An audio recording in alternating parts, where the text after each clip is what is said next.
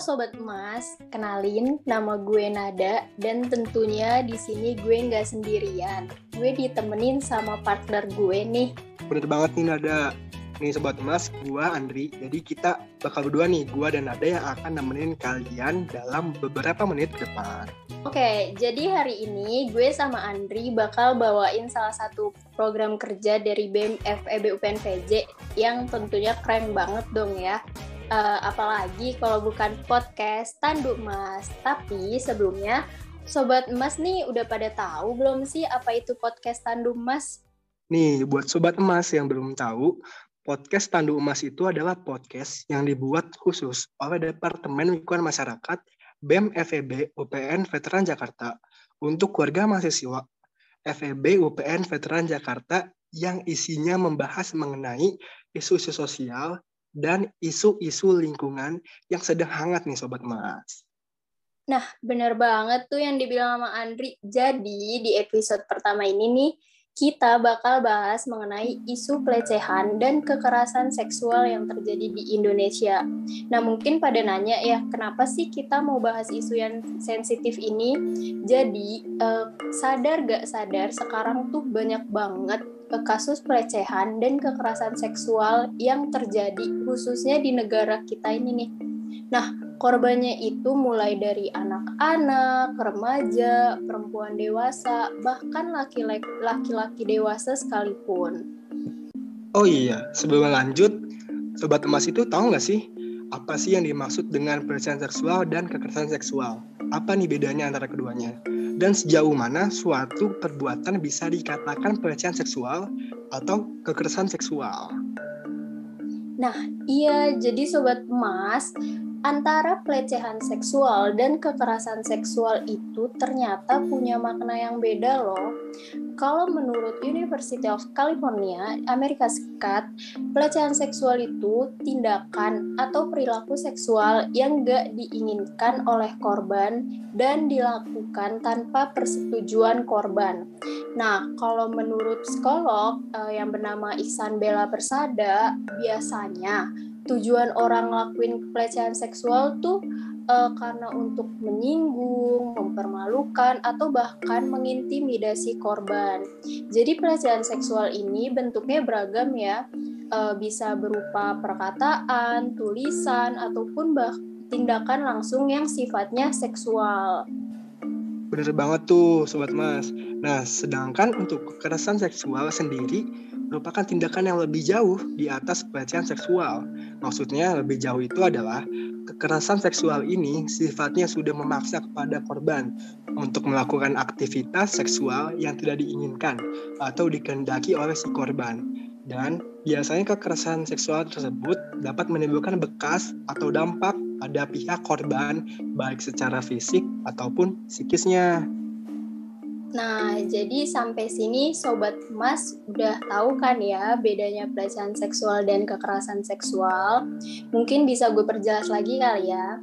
Uh, jadi pelecehan seksual itu bentuk tindakan yang tujuannya itu untuk mempermalukan seseorang, baik dalam bentuk perkataan, tulisan, ataupun tindakan langsung. Sedangkan kekerasan seksual sendiri itu e, tindakan seksual yang udah memaksa korban untuk melakukan hal yang gak diinginkan sama sekali dan dapat menimbulkan bekas secara fisik maupun psikisnya.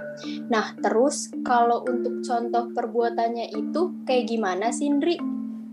Nah, Sobat Mas, contoh perbuatan yang bisa dibilang sebagai bentuk seksual harassment atau pelecehan seksual itu banyak loh.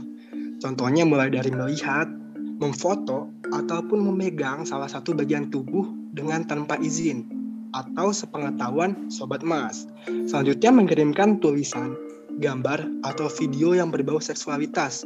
Kemudian menuliskan kata-kata atau komentar yang tidak pantas serta menunjukkan gerakan-gerakan seksual yang meresahkan.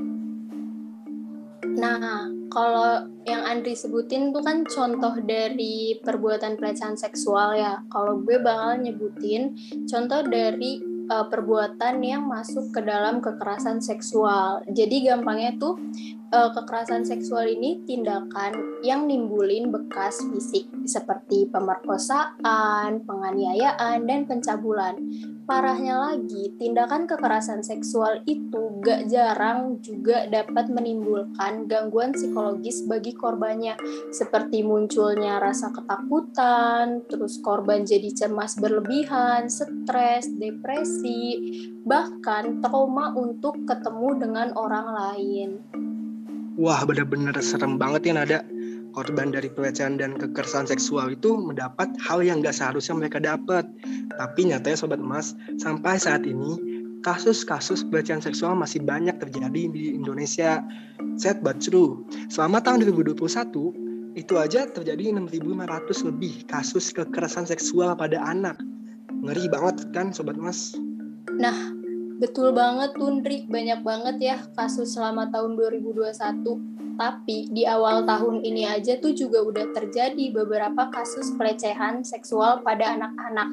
Salah satu contohnya itu terjadi di Bogor yang dilakuin oleh pelatih futsal yang kita sebut aja GJ. Nah, dia ini ngelakuin pelecehan seksual ke anak didiknya. Jadi dia ngirimin pesan chat yang berupa konten pornografi. Nah, jadi anak-anaknya ini diiming-imingin bisa masuk tim inti futsal, terus dikasih uang, baju, sepatu, dan iming-iming lainnya. Nah, anak-anak didiknya ini yang jadi korban itu rata-rata anak laki-laki di bawah umur loh, Hendri. Wah, wah, ngeri juga ya sekarang. Ini sebagai bukti nih, pelecehan seksual bisa terjadi sama siapa aja, tanpa ngelihat umur dan gender. Oh iya Sobat Mas, selain banyaknya kasus pelecehan seksual pada anak di bawah umur, Indonesia juga darurat kekerasan seksual pada perempuan yang endingnya selalu bikin kasihan dan ngeri. Sobat Mas, masih ingat nggak sih kasus mahasiswi yang diperkosa sama pacarnya sendiri? Yang tidak lain adalah seorang polisi berpangkat bribda sampai hamil, terus berakhir bunuh diri di makam ayahnya. Dalam kasus tersebut, korban mendapatkan pukulan keras pada mentalnya hingga menyebabkan depresi berlebih sampai akhirnya memutuskan untuk bunuh diri. Penyebab depresinya tersebut diketahui karena pihak pelaku dan keluarganya tidak mau bertanggung jawab atas perbuatannya. Serta pihak keluarga korban yang juga tidak memberikan dukungan moral yang semakin memperburuk keadaan si korban Nah, jadi dia makanya memutuskan untuk mengakhiri hidupnya nih. Ada lagi Nindri uh, kasus serupa yang bisa dibilang sangat keji dan korbannya itu mencapai 21 orang dan uh, korbannya ini anak di bawah umur yang diperkosa sampai hamil bahkan beberapa korbannya itu udah melahirkan pelakunya itu berinisial HW yang merupakan pemilik salah satu pesantren di Bandung. Parahnya lagi, pelaku udah melakukan hal ini dari tahun 2016 dan baru ketahuan di tahun ini. Nah, bener-bener bejat banget ya sobat emas uh, apalagi image sebagai pemilik pondok pesantren yang mungkin dijadiin panutan dan dikenal sebagai orang baik dan beriman tapi malah tega berbuat hal seperti itu kepada santriwatnya sendiri. Bejat banget kan ada kelakuannya. Kayaknya sekarang kita nggak bisa nilai seseorang dari penampilan luarnya aja ya. Karena seberapa baik seseorang dari penampilan dan jabatannya nggak menjamin tuh baik juga perilaku dan perbuatannya. Nah, bener banget, Ndri. Tapi kalau menurut gue pun nggak ada kata lain ya untuk ngegambarin pelaku pelecehan dan kekerasan seksual selain bejat dan biadab Nah, tapi sobat emas uh, dari contoh yang kita tadi cerita ini kepikiran nggak sih gimana nasib korban setelah mendapatkan perlakuan yang nggak mengenakan tersebut? Mungkin uh, pengen tahu apa aja dampak serius yang mungkin dapat terjadi pada korban pelecehan seksual dan kekerasan seksual, terutama pada anak-anak dan perempuan. Mungkin Andri bisa ngejelasin dampaknya apa aja sih? Oke Nada, gue bakal jelasin nih sekarang dari dampak luar dan dampak dalam yang bisa timbul akibat adanya kejadian yang dialami korban pelecehan kali ya. biar gua dan sobat emas lainnya juga bisa sadar bahayanya pelecehan seksual ini. Dari dampak luarnya dulu deh. Biasanya dampak luar korban pelecehan atau kekerasan seksual itu dapat berupa dampak pada fisik si korban, seperti munculnya nyeri kronis, terjadinya infeksi atau pendarahan, luka memar akibat kekerasan, dan juga penyakit menular seksual seperti klamidia, herpes, hepatitis, dan HIV.